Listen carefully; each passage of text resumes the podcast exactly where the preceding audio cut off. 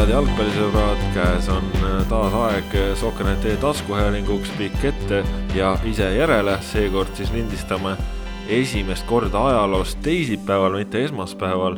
põhjus väga lihtne, olid jaanipühad ja, ja neid me ka veetsime ja nüüd siis, et ka teie äh, tõenäoliselt olete täna rohkem äh, kõlarite ja kõrvaklappide taga, nii et siis täna meil see kuueteistkümnes saade lindistatud saab minu nimi on Kaspar Elissaar ja tänase saate toon ma teieni koos Kristjan Jaak Kanguri ja Ott Järvelaga. tere. tere. Te olid siis vastavalt Ott ja Kristjan Jaak. õige.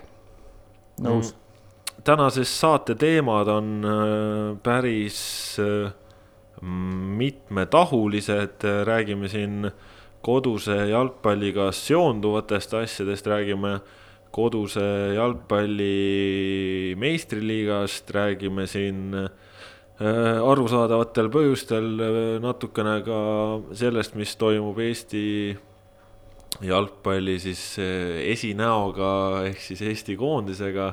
Ja siis räägime veel natukene kodusest liigast ja siis vastame lõpuks ometi kõikidele teie küsimustele, mis te meile mulle tuleb meelde praegu see Kulda Katrina reklaam, et ja juttu jätkus kauemaks, oli vist Kulda Katrina või see oli Pauliga? Pauliga oli see vist. ja juttu jätkus kauemaks no,. üldiselt räägime jalgpallist. üldiselt räägime jalgpallist ja, ja siis täpselt nii ongi, aga läheme kohe siis esimese teema juurde, mis on kõige värskem teema, mis on kõige aktuaalsem teema ja selle teema äh, koondnimetus on äh, Kando Peale. just ehk et äh, Levadia noh, on vist õige öelda tema kohta edurivi mängija, et ta võib mängida noh, nii äärtel kui ka tegelikult ründavat poolkaitset keskel kui ka ründajat. on siis testimisel, Levadia no teatas Venemaa kõrgliigaklubi Ekaterinburgi FC Urali juures. ning äh, noh, kui ma rääkisin täna siis ka Levadia spordidirektori Sergei Boreikoga, siis noh, ta ütles, andis väga selgelt mõista, et, et kando müümine on päevakorras.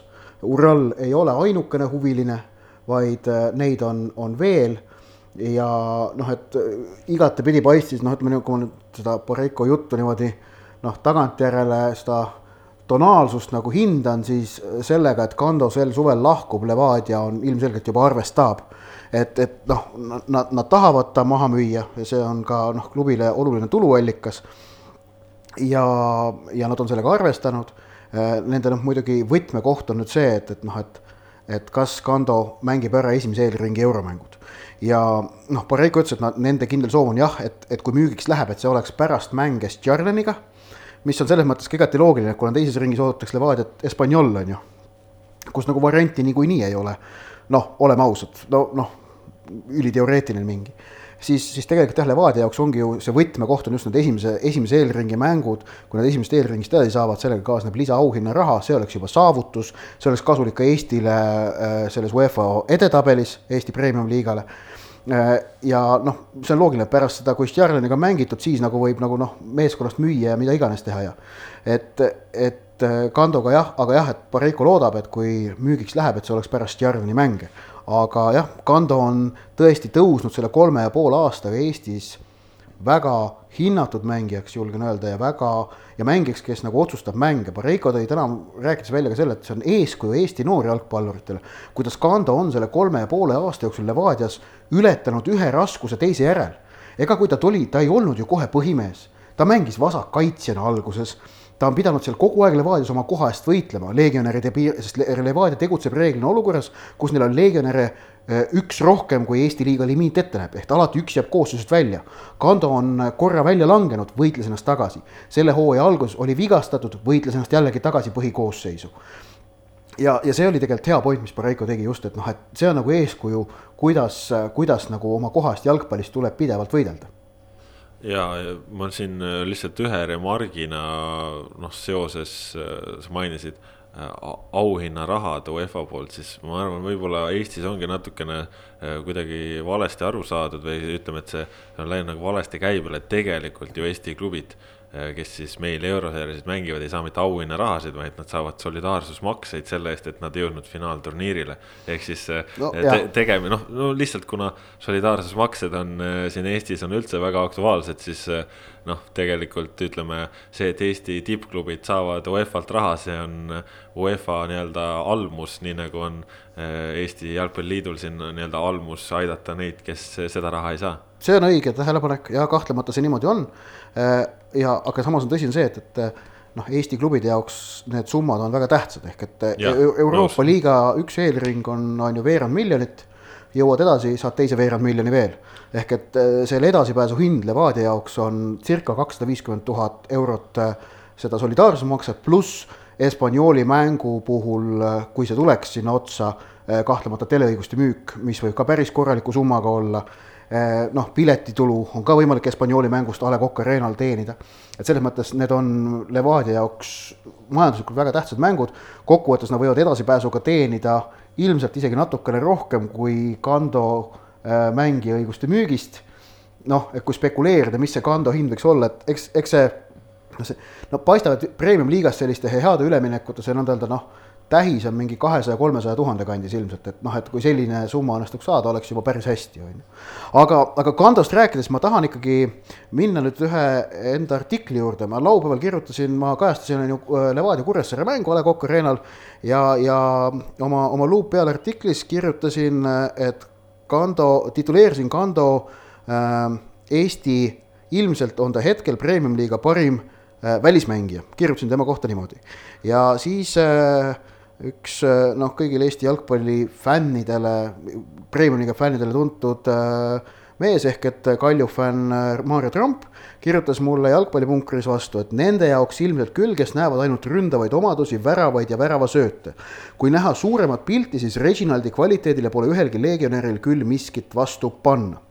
ehk et noh, see on, see on nagu Maarja arvamus ja mõtlesin, et sellest võiks täna nüüd pikemalt rääkida, et miks ma pean Kandot nagu ikkagi selleks praegu Premium-liiga parimaks legionäriks. see tähendab paremaks kui Reginald, paremaks kui Lilju, paremaks kui äh, Jata, kes on, äh, on ju siis noh, Paide võib öelda ikkagi selline praegu säravaim täht või, või ka Sanneh tegelikult, noh, mõlemad Paide vennad et äh, oot, Kaspar tahab vahele öelda midagi? ma tahaks võib-olla Kando kohta veel seda enne vahele öelda, kui me läheme veel täpselt selle äh, premium-liiga parimate välismaalaste juurde, et Kando puhul noh, see, et ta on testimisel Venemaa kõrgliiga klubi juures, see on äh, premium-liiga mõttes ikkagi noh, midagi ainulaadset, et eelmisel aastal tõsi, Jevgeni Harin siirdus ju ka Venemaa kõrgliigasse aga. mängida seal minu arust ei ole saanud peaaegu sisuliselt üldse. minimaalselt äh,. vist alla saja minuti, et.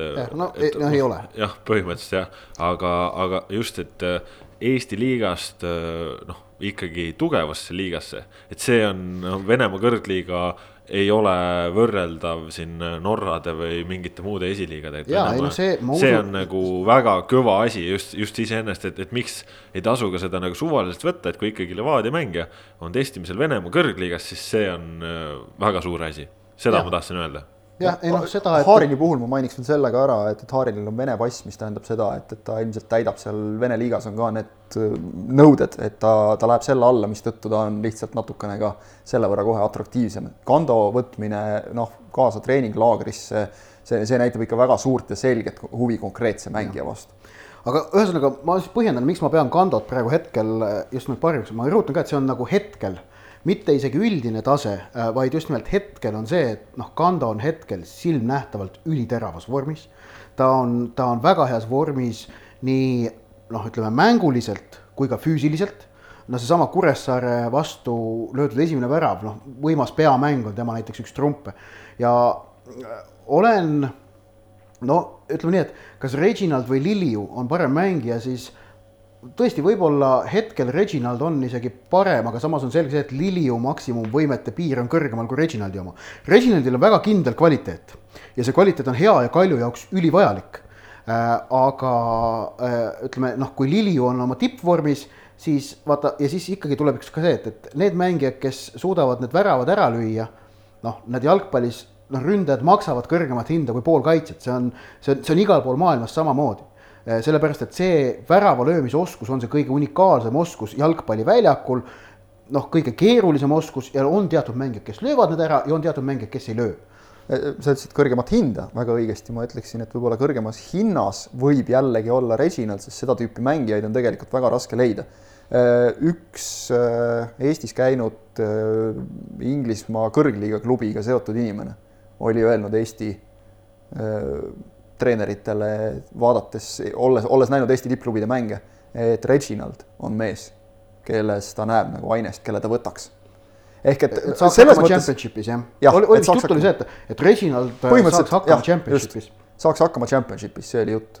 ja mis, noh, ütleme mis... inimene, kelle arvamust võib nagu noh, hinnata päris kõrgelt okay.. ehk et äh, Reginaldil on kindlasti, ma selles mõttes noh, olen mingil määral Marioga nõus, et mm, -hmm. et mhm. vaata Reginaldi trumbid äh, ongi tõesti need, mida sa ei näe juhul, kui sa ei jälgi süvitsi seda konkreetset mängijat mm. -hmm. ja Reginaldi stabiilsus läbi aastate on kindlasti kõrge. aga iseenesest ma sulle vastu ei vaidle, et, et Kando, kui sa ütled just hetkevorm, on tõesti hiilgav. ja, ja siis noh, Sanneh ja Jata on mõlemad tohutult perspektiivikad, aga nad on, nad ei ole veel kaugeltki niivõrd valmis tootnud. Nad, on, nad, on, nad on selgelt arenevad mängijad, nad on selles noh, just, et nende. lihvimata teemandid nagu. jah, et li, jah, nad on juba väga head, aga nad saavad minna veel oluliselt paremaks.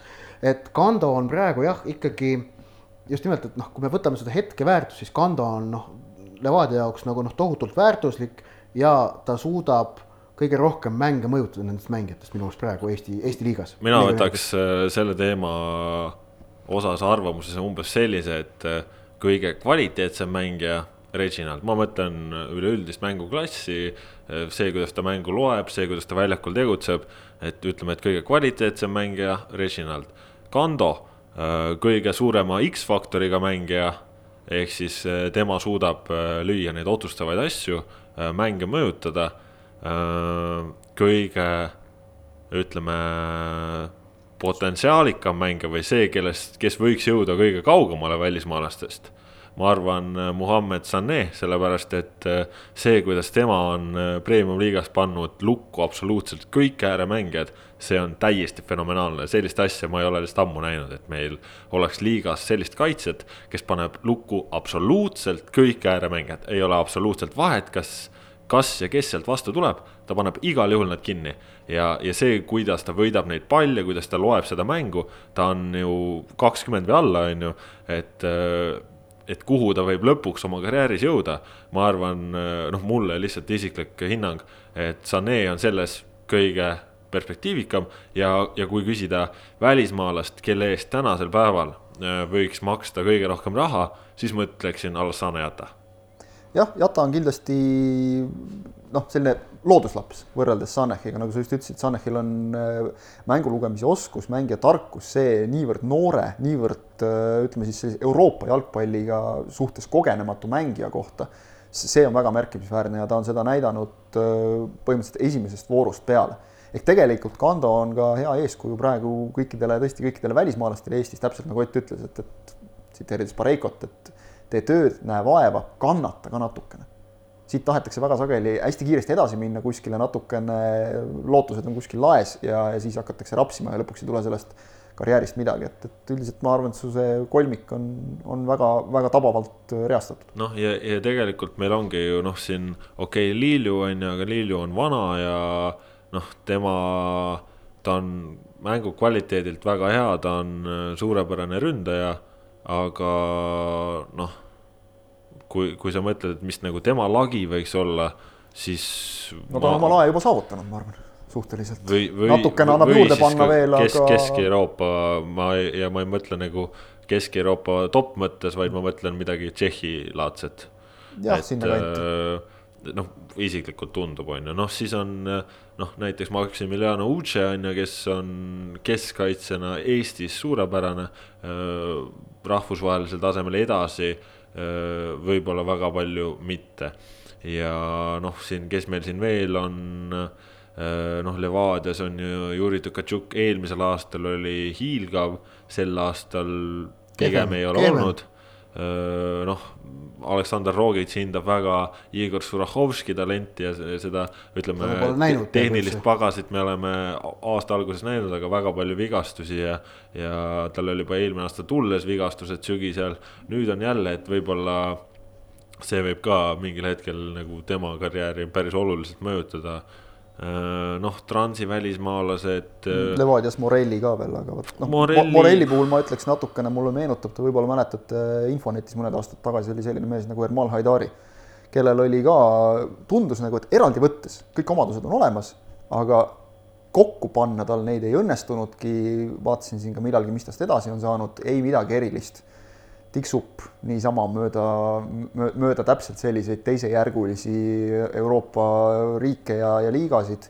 et, et Morellil on ka minu meelest nagu see, et noh, eraldi võttes kõik oskused, omadused on olemas, ta on ju saanud hea kooli kodumaal, ta on saanud äh, Middlesbrough's kõvasti tipptasemel jalgpallikoolitust, aga midagi aga, nagu jääb puudu. midagi jääb nagu puudu.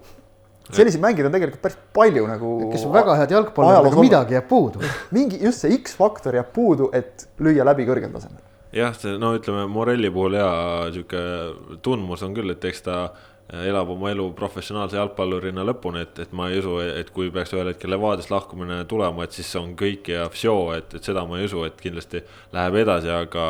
võib-olla on tema puhul natukene see, et äh, kui sai silm peale saatesse temaga lugu tehtud, et ta on äh, pärit suhteliselt head järel perekonnast, et vot see, mis noh, ütleme näiteks paljudel Aafrika mängijatel on see, et see on nende ainus võimalus jah, Kando, Kando kohta ütles Pareiko muidugi sama ja et ainus no, võimalus elus. ega tal muud varianti peale jalgpalli ei ole elus kuskile väga kaugele jõuda, et noh, tal ei ole noh, ei ole sellist haridusbaasi näiteks all kas või on ju, et muul elualal, elualal läbi lüüa, aga noh, jalgpallis ta tunnetab, et tal on see variant ja ta pühendub sellele täiega, et ta on nagu noh, tohutult töökas, tohutult pühendunud tohutult äh, professionaalne, hindab et, seda. võib-olla mingites olukordades täpselt see mõni protsent seda pühendumist ja, ja teadmist, et see on minu ainus võimalus mm, -hmm. ongi see, mis lahutab ühte mängijat teisest. jah, ja noh, ongi, ütleme, et äh, transi välismaalased, keegi äh, sellise kvaliteediga täna ei ole, siis võtame sealt edasi noh, näiteks Tartu Tammeka legionärid ka liigas silma ei torka, korralikud mängumehed, aga, aga see ongi kõik, on ju.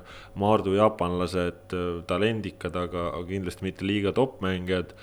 Flora ainus välismaalane Nurmela ka, varumees äh, valdavalt kes meil veel on, Viljandi tulevikus veel ei ole välismaalasi, eks saame varsti näha mm,. Kuressaares no, ei on, ole välismaalasi. jah, Viljandis on umbes sama suund nagu Paides, mis on tegelikult väga mõistlik sellistele klubidele, et täpselt otsida neid talente, Paidel on äh, Samsoni Eede näol hea näide olemas, et, et neid saab Põhjamaadesse müüa ja mees on teinud tegelikult seal väga korraliku hooaja. nii et noh, jälle saab sealt tõusta veel ainult, see on sellistele väiksematele klubidele, kes, kes peavad olema väga leidlikud, sest rahakott on väga õhuke ongi, ongi üks hea võimalus lihtsalt ja, neid leida ja Eesti klubid on selle üles leidnud. siis rahvusvahelises kontekstis, et, et Eesti ja. jalgpalliklubide eelarved näiteks Eesti võistkonna spordialade kontekstis on siiski täiesti nagu korralikud ja arvestatavad, jäädes ilmselt alla, no ütleme, ma arvan, et isegi Paide eelarve, mis see oli meil?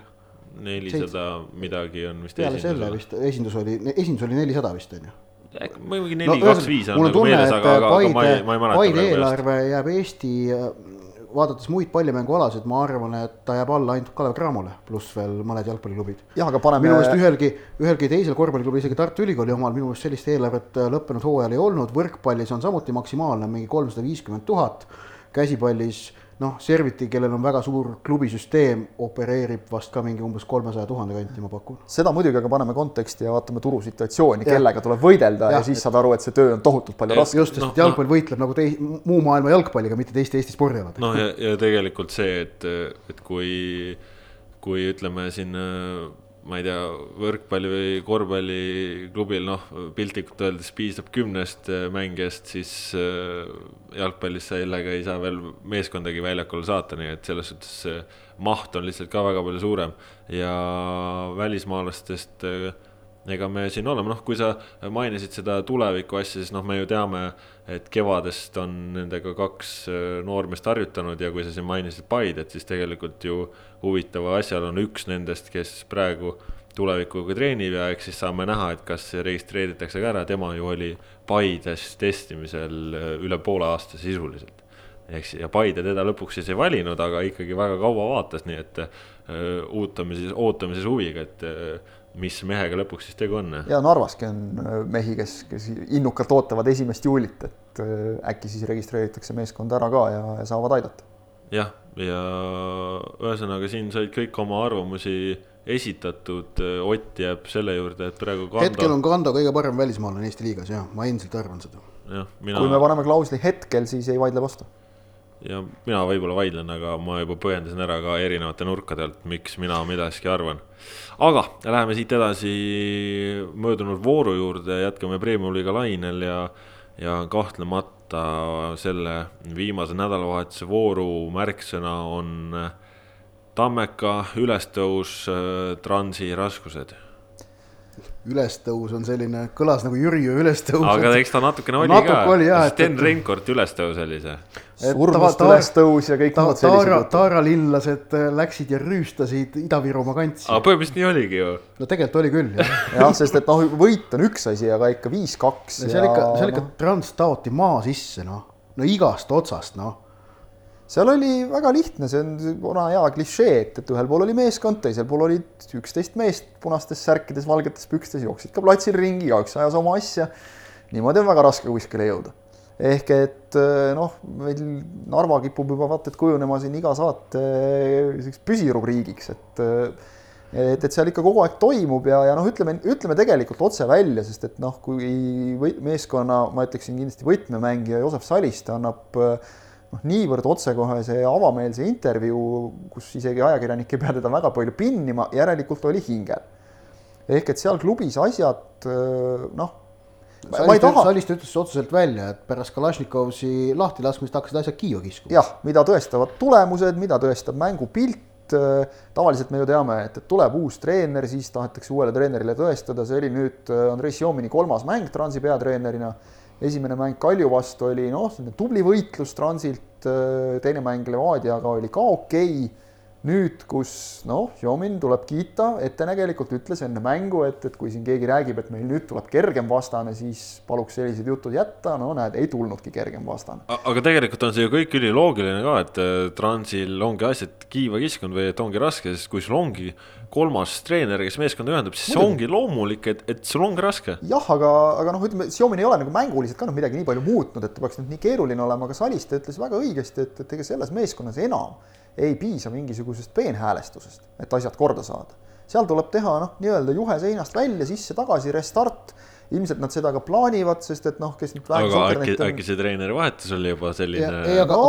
oli, aga ütleme, see ei ole efekti andnud, seda võib juba praegu öelda, kui kolmas, seda ma just tahtsingi öelda, et kui kolmas mäng pärast treeneri vahetust on selline tahtejõuetu ja, ja ideetu noh, möga, ütleme otse väljakul, see käib ka mängijate pihta, loomulikult äh, keegi ei keela sul pingutada platsi peal, siis, siis on midagi ikka väga mäda selles klubis. ma ei saa, tähendab, ma ei ole endiselt kindel, et, või noh, mitte ei ole endiselt kindel praeguses olukorras mul on tunne, et Xiaomin ei ole Transi jaoks, praeguse Transi jaoks paslik peatreener. praegune Transi meeskond vajab peatreenerit, kes on inglise keeles, suudab mängijatega suhelda.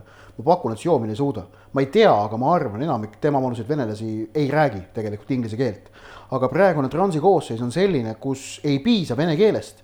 sa pead suutma mängijatega, seal on sul, seal on sul on seal Eesti mängijad, Meerits ja Saliste kes noh, vene keelt võib-olla natukene mõistavad, aga mitte ülearu palju. sul on McWoods sul on äh, Diallo, äh, kes, kes on inglisekeelsed. ehk et äh, miks Kalašnikovs oli Transi jaoks selles mõttes ka sobiv ja ka Bondarenko ju teatavasti räägib kenasti inglise keelt ja vene keelt, et seal Transil on praegu vaja, praegune Trans vajab peatreenerit, kes sulatab need erinevad asjad kokku ja noh, Kalašnikov tegelikult seda suutis. Äh, Kalašnikovsi puhul jah, Burdakovile presidendile polnud, ta polnud rahul seal mingite Kalašnikovsi kindlate valikutega, et a la, et Golovjovi sõidutas Tallinnast niisama kohale sõjaväest, et teda pingil hoida ja midagi sellist aga, aga ta seda tervikut, ta suutis hoida, aga praegu jah, Transil seda tervikut ei ole ja ma ei välistaks üldse, et see ikkagi see, kusjuures keele küsimus võib seal väga selge olla ja, ja noh, vaadates, et euromängud nüüd tulevad, noh, noh, need mängitakse Xiominiga ära, aga et, et kui seal läheb Äh, kehvasti. vastane on äh, päris korralik, Podgorits ja Budusnust mm. -hmm. et siis, siis on jälle mingid muudatused, noh, nii, nii ei saagi nagu rallit sõita, et praegu ongi tegelikult nii, et, et Trans on kukkunud ütleme viimase siis noh, kümnekonna mänguga on nad kukkunud selgest esineliku koha, kohale konkureerijast kukkunud sinna viienda, kuuenda, seitsmenda koha peale võitlejate hulka, see on isegi praegu punktide poolest on ju vist viiendast kaheksandani need meeskonnad on kolme punkti sees minu meelest, kui ma ei eksi. et, et noh, ongi nende ja tegelikult ütleme, osa meeskonnast, vähemalt kas Aliste ütles, osa meeskonnast saab aru, et meie reaalsed konkurendid ongi praegu Tammeka, Tulevik, noh, ennekõike Kuressaare. no esinelik on Transi jaoks utoopia juba, nad Täielik. kaotavad üheksateist vooru enne meistrivõistluste lõppu neljandale kohale kaheksateistkümne punktiga, see tähendab, et peaksid tegelikult, sisuliselt peavad nad iga vooruga punkti äh, tagasi võtma keskmiselt no,. No. et, et jõuda esinelikusse, noh, see ei ole reaalne. ja mis äh, Transi Paide, Paidet võib põhimõtteliselt esineliku koha puhul juba õnne, juba õnnitleda mis, mis siin Transi puhul silma torkab, on see, et kui siin viimastel aastatel äh, tekkis stabiilsus, oli üks treener, kõik nagu läks äh, järjest riburada pidi paremaks.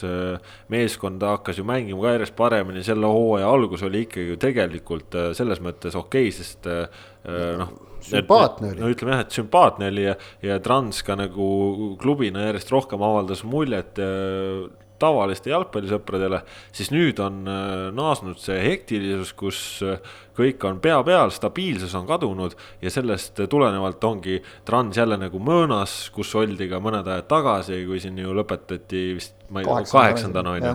et, äh, et minu arust Transi jaoks on võtmeküsimus see, kuidas leida üles stabiilsus ja, ja siin tõesti, no ma ütleme, see ei ole kerge ülesanne siin äh, Burdakovidele, et see stabiilsus leida, sest see noh no, eks ongi, see ongi niisugune nõutu olukord, et mida sa teed, et kas sa siis vahetad need välismaalased välja, et kus sa tood uue tasemele, et kas see aitab või noh, siin on äh, nii palju asju ja, ja siin tõesti on raske ülesanne ja, aga noh, fakt on ka see, et Trans on täna äh, tabeli mõttes ülikeerulises seisus ja et siit välja tulla, noh, siin on, siin on tõesti vaja praegu väga meisterlikku no, juhtimist. selge on see, et, et ega noh, kui me vaatame Maardu ja Kalev, isegi noh, jah, okei okay., vaatame Maardut ja Kalevit, noh, seal nagu seda väljalangemise ohtu ilmselgelt ei ole Transil kui sa võtad kas või sellesama Transi tammeka, et tegelikult on see võimalus on praegu olemas täiesti, isegi kui sa kukud sinna samale kaheksandale kohale, noh, okei okay,, ega ta nüüd hea ei ole, aga on see, on see viies või kaheksas koht, kui ta, sul on nadi ja esinelikust oled väga kaugel, siis tegelikult vahet pole. et iseenesest praegu oleks võimalus teha mingisugune muutus, hea küll, loobuda nendest välismaalastest, seal jääb alati ilmselt eriarvamus, eks ole, et, et kas on Kalašnikov süüdi, et tõi halvad ja kergesti lagunevad võõrlegionärid siia või, või on mingi muu asi, miks need mehed ei mängi. loobuda neist, mängidagi siis võib-olla see hooaja teine pool oma noortega sellisel juhul, eks ole, on ka kuuldavasti mingid uued mehed, võib-olla panustada natukene siis nendele, et õnnestuks neid siit välja müüa, äkki jälle klubile natukene raha teenida, sest eurorahad ju nüüd jälle lähevad, eks ole, mis siin saadi, noh, karikavõit on muidugi alati võimalus, aga me teame, et, et noh, karikavõitjana saada Euroopasse, see on üldiselt see šanss on väike. ehk siis noh, Transil tegelikult oleks see restardi hetk, nüüd ongi see küsimus, et eks seal on natuke peeglisse vaatamise koht sest et praegu on see olukord, et noh, tehti, tehti ise selline samm, Kalašnikovs minema saata, see on andnud tugeva tagasilöögi nüüd, nüüd on vaja lihtsalt otsustada, mismoodi edasi, sellepärast et nii, niimoodi edasi ei ole mõtet minna praegu nagu, nagu Trans äh, praegu mängib, seda, mina ei näe varianti, et seda punti enam saaks äh, kokku mängima, sest et noh, me teame nii-öelda vene taustaga meeskondadel on see parim venekeelne sõna tuh, on alati see, mille pealt nad mängivad. Äh, see tuli Tammeka vastu pärast Tammeka avaväravat, kohe lükati järgmine käik sisse, mängiti. Tammeka oli kaks-üks oleks oodanud, et lükatakse uuesti käik sisse, mitte midagi sellist. ka terve teine poolaeg, esimese poolaja hambutu lõpp, terve teine poolaeg oli selline, no proovime, püüame, aga noh, niisugust õiget usku nagu endal ka ei ole. kui see ära kaob sellistel satsidel siis on täiesti null. ehk siis saame näha, mis sellest äh, Transist saab, tõesti, seis on äh, nende jaoks praegu raskeks muutunud, aga seesama Tammeka kaks sõna nende kohta ka, et, et kui siin Ott on kogu aeg äh, näidanud üles usku, et nad põhjast ronivad välja, siis täpselt nii on ka läinud noh, kaks korralikku mängu järjest enam-vähem ja, ja tabeliseis on selline, et, et siin lähimate voorude Tammeka, jooksul võib Trans nendel olla juba ära söödud. jah, et see, see mingil hetkel jutt, et noh, kui Tammeka oli tabelis viimane, et noh, et et noh, räägiti, et noh, et tahavad mullust kuuendat kohta parandada, viiendaks tõusta, et noh, et võimatu ja võimatu. praeguse seisuga viies koht on Tammeka jaoks täiesti reaalne. viies koht muuseas on siin tegelikult Re. reaalne on, isegi enne teise ringi lõppu juba. noh, minu meelest on üks mäng veel ja siis vist on tasapunktid on ju jah. kas vahe ei ole praegu isegi kaks punkti äkki või kolm, kolm punkti? ei, aga noh, see on see, et aga hooaja pikas plaanis vaadates, siis tegelikult ei ole viies koht võimatu ka Viljandi tuleviku jaoks FC Kuressaare jaoks noh, nii ja naa, ma arvan, viies on jah või, pigem võimatu, aga mingi kuuenda-seitsmenda saab võib ka Kuressaare saada. et selles mõttes on nagu seis, seis põnev, et noh, Kuressaare mängib ju väga äh, ütleme noh, minu arust tegutseb nutikalt, noh tegelikult oleme ausad, nad selle mängu Levadiaga, mis nad viimati mängisid, ega nad, nad läksid muidugi proovima aga ilmselgelt äh, peatreener Jan Važinski valikud olid äh, selleks mänguks, olid väga selge perspektiivitundega. Neid ootab järgmises voorus kodumäng Narva Transiga. Äh, mäng toimub õhtul kell seitse, mis tähendab, et Trans hakkab hommikul Narvast sõitma, mis tähendab, et Trans sõidab siin mingi kuus tundi vist on ju, seitse tundi jõuab õhtuks Kuressaarde, tuleb mängule, on noh, kurnatud ja räsitud, sest Trans ei lähe päev varem kohale Eh, ja, ja Kuressaare paneb kogu oma fookuse tollele mängule, sest nad näevad, sealt on palju suurem võimalus punkte saada kui võõrsil A Le Coq Arenalt äh, Levadia käest. Ja eh, see tähendab ka seda, et kõik, kellel oli väikenegi vigastus, need said Levadia vastu on ju puhkust.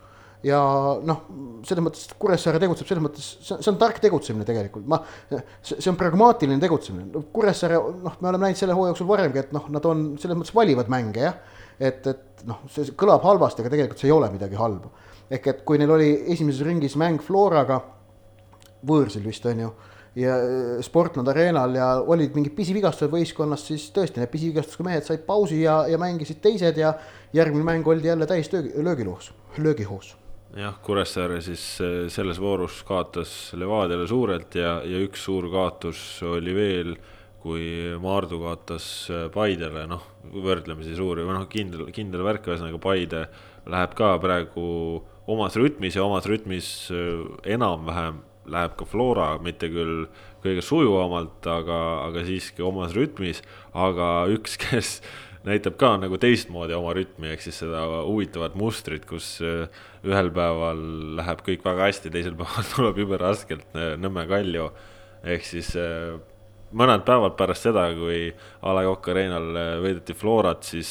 sellise ausalt öelda üpriski veenva esitusega, julgen mina öelda jah, siis äh, pärast seda nädalavahetusel kodus Viljandi tuleviku vastu, kellel oli noh, ütleme neli-viis algkoosseisu mängijaid puudu. no tulevik läks sellele mängule tegelikult natuke samamoodi nagu, nagu just see, mida Ott rääkis Kuressaare kohta, et, et äh, tulevikul kaks, kaks järgmist mängu on kodus Kalevi ja Tammekaga ehk noh, täiesti selge, kus on nende fookus, eks ole Eh, ja täpselt nagu sa ütlesid, et paljud mehed puudu, aga, aga välja tuli väga hästi, ehk et eh, tuli täpselt see välja, mida, mida treener ka sageli loodab, et need mehed, kes muidu pingil istuvad, tahavad ennast tõestada.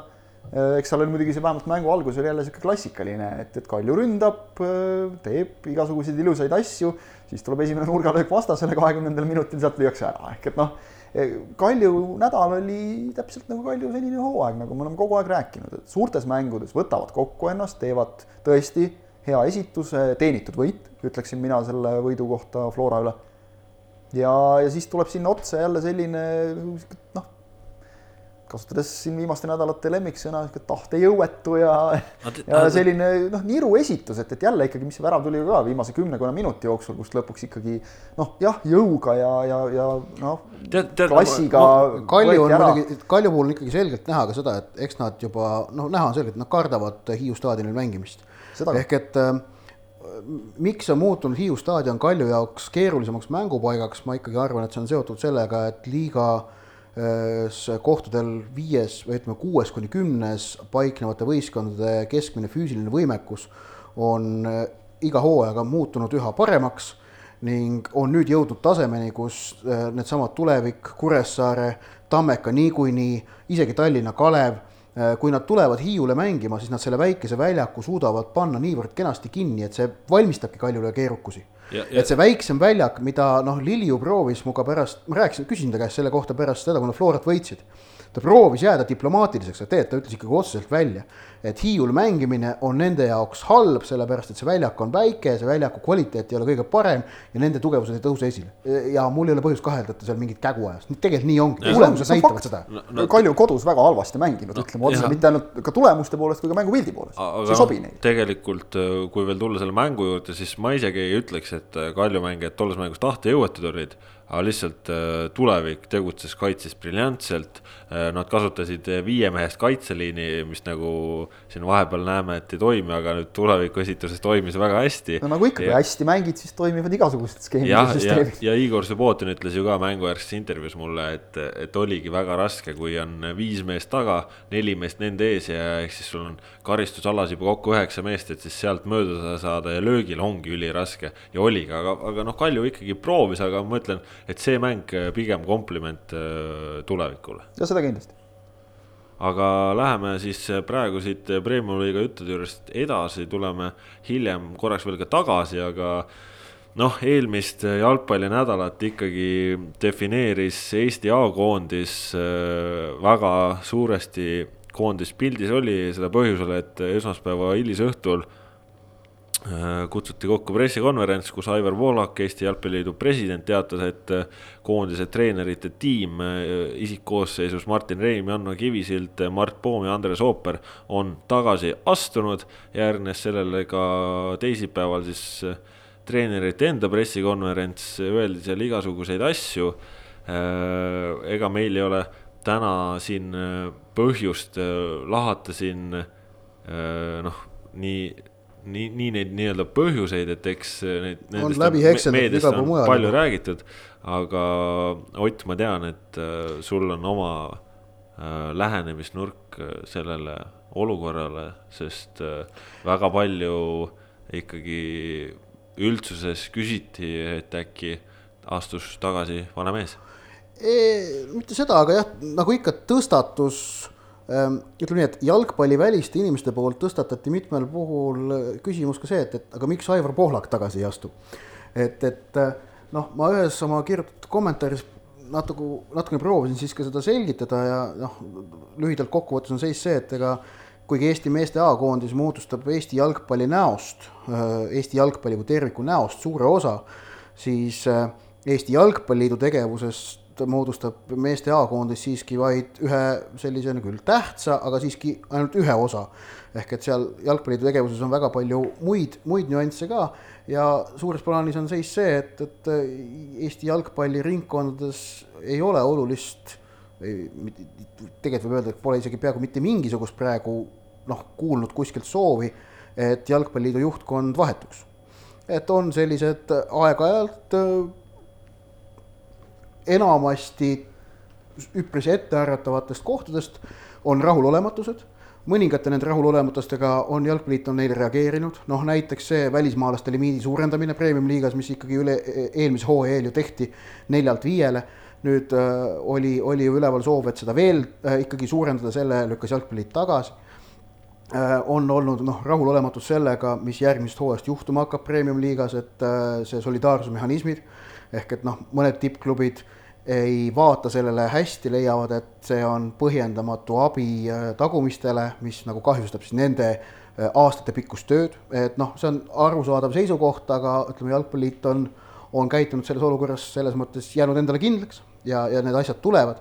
et no, aga no, selgelt. Need suured ju saavad samamoodi UEFA abi no ja, ja ärme unustame, et Jalgpalliliidu äh, eesmärk on ikkagi arendada nagu Eesti jalgpalli tervikuna, mitte Just. ainult Eesti tippu. aga kus on see areng, küsivad inimesed, kui me kahekümne viie aastaga pole jõudnud A-koondise tasemel mitte kuskile. siin on see tabav point, et äh, ega siis Eesti jalgpalli areng ei toimu nii-öelda vaakumis, et teised ümberringi ka arenevad, see ei tähenda, et, et me, kui me ei ole nagu neile järele jõudnud, see ei tähenda, et me poleks ise arenenud aga jah, et ühesõnaga Aivar Pohlaku küsimus, personaalküsimus tõstatus ka ülesse ja, ja tegelikult väga head vastused kõigile neile küsimustele sai sellest, kui Aivar Pohlak andis intervjuu Äripäeva ajakirjanikule Neeme Korvile Äripäeva podcastis äh, Kuum tool.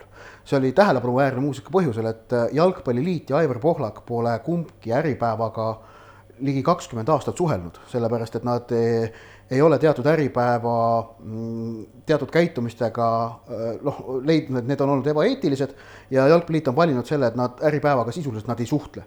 aga nüüd on noh, seis on see, et kuna Äripäeval on, Äripäeva ajakirjanikuks on Neeme Korv, kelle vastu valitseb noh, nii Jalgpalliliidus kui Aivar Pohlakul isiklikult, see ilmselgelt suur usaldus, endine siis Postimehe arvamustoimetuse juhataja, nüüdne Äripäeva arvamustoimetuse juhataja, siis Neeme Korvile Aivar Pohlak intervjuu andis, et soovitan kõigil see, see saade Äripäeva lehelt või, või SoundCloudist üles otsida ja, ja kuulata, et see on väga, see on väga huvitav, see on väga otsekohene.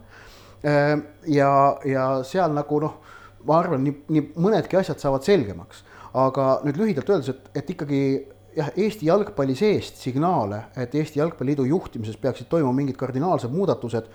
Eh, tegelikult neid signaale peaaegu ei ole, eh, anonüümseid interneti kommentaare ma ei pea signaaliks, see on bullshit, mida, mida ei tohi arvestada ja mida eh, me, mida ma ei võtagi arvesse.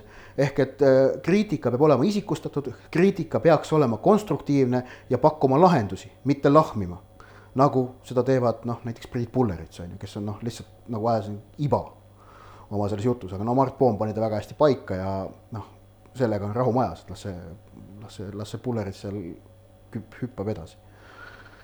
No mis siin teema kohal on, ütleme, et, et tõesti see üldsuses on tekkinud küsimusi, ongi, et miks Aivar Pohlak ei astu tagasi, aga, aga mulle tundub ka, et äh, et rohkem tulevad need küsimused inimestelt, kes ei ole jalgpallis süviti sees, tõsi, äh, küsimus tuleb ka ikkagi osadelt fännidelt, aga, aga ütleme, et ta tuleb äh, noh, valdavalt internetis on ju, aga, aga tõesti, et kui me vaatame klubisid või, või vaatame seda jalgpalliliidu üldkogu, kus ju siin paar aastat tagasi Aivar Pohlak valiti ühehäälselt no,, valiti presidendiks, on ju. Pohlakul pole olnud vastaskandidaati ühelgi korral, kui ta on presidendiks valitud. just ja noh, igal, alati pole olnud vist äh, ikkagi täishäältega, et mingitel hetkedel on vist keegi on jätnud hääletamata ja mingeid no, siukseid asju on olnud, aga eelmine kord viimasel hääletusel olid, olid kõik ühehäälselt poolt, on ju. ja ja, ja, ja siit, siit, siit, siit ju tõstatab see äh, fännide küsimus eraldi, et aga, aga keegi ei julgegi Aivari vastu kandideerida või, või ka ütleme, et jalgpalliajakirjandus ei, ei julge siis. võimu ei anta, vaid võim võetakse, see on ka selline vana hea ütlus, mida Risto Perenson, minu endine kolleeg Postimehe aegadest armata, armastas kasutada. ja mitte ainult noh, poliitika, vaid ka kõikvõimalike muude eluvaldkondade seast. ehk et selle, kui, kui, kui kellelgi on tahtmine Eesti jalgpallis suunda muuta Äh, ja, ja noh, et sellest, et Eesti Jalgpalliliidu juhtimine näiteks muutuks, siis ta peab koostama konkreetse tegevuskava, plaani inimestega, äh, noh, näitama ära inimesi, kes täidaksid mingeid rolle ja esitama selle üldkogule ja siis saab üldkogu otsustada, kas tahetakse praegust või noh, ütleme noh, siis on üldkogul valik. see on väga lihtne protsess, ei, ei pea arvama, et noh, jalgpallil on õigus otsustada nii, nagu ta ise tahab samamoodi nagu on sama õigus ka korvpallil, võrkpallil, kergejõustikul, kõikidel spordialaliitudel. ja kui jalgpall, kui jalgpalli sees tekib noh, konkurents, siis otse loomulikult on, on, on meil ka konkurentsiolukord, toimuvad debatid, toimuvad hääletused ja siis ongi otsus sündinud. aga, aga tähendab selleks, et hakata nõudma muutust, noh, sa võid öelda, et võib ju öelda, et ma ei ole rahul sellega näiteks aga kui sa tahad, et midagi muutuks, siis sa peaksid, siis peaks inimene ise selle jaoks ka midagi ette võtma. leidma endale toetajaskonda. midagi välja pakkuma, eks ole. ja positsiooni välja pakkuma. aga see, mis puudutab, on ju noh, mida Aivar Pohlak tegelikult selles samas Äripäeva intervjuus ka rääkis, et ta on, et ta on selles mõttes, mis ta ütles, nagu põhimõtteliselt ta rääkis seda, et ta on ju kaasav juht või et ta noh, kuulab väga palju arvamusi, siis noh, ütleme nii, et kui vaadata seda, kuidas tegelikult praegu, no võtame premium-liiga näite, on ju kuidas nagu premium-liigat on, on, mida on premium-liiga viimase kolme-nelja aasta jooksul tehtud, siis see tegelikult ju noh, peab paika.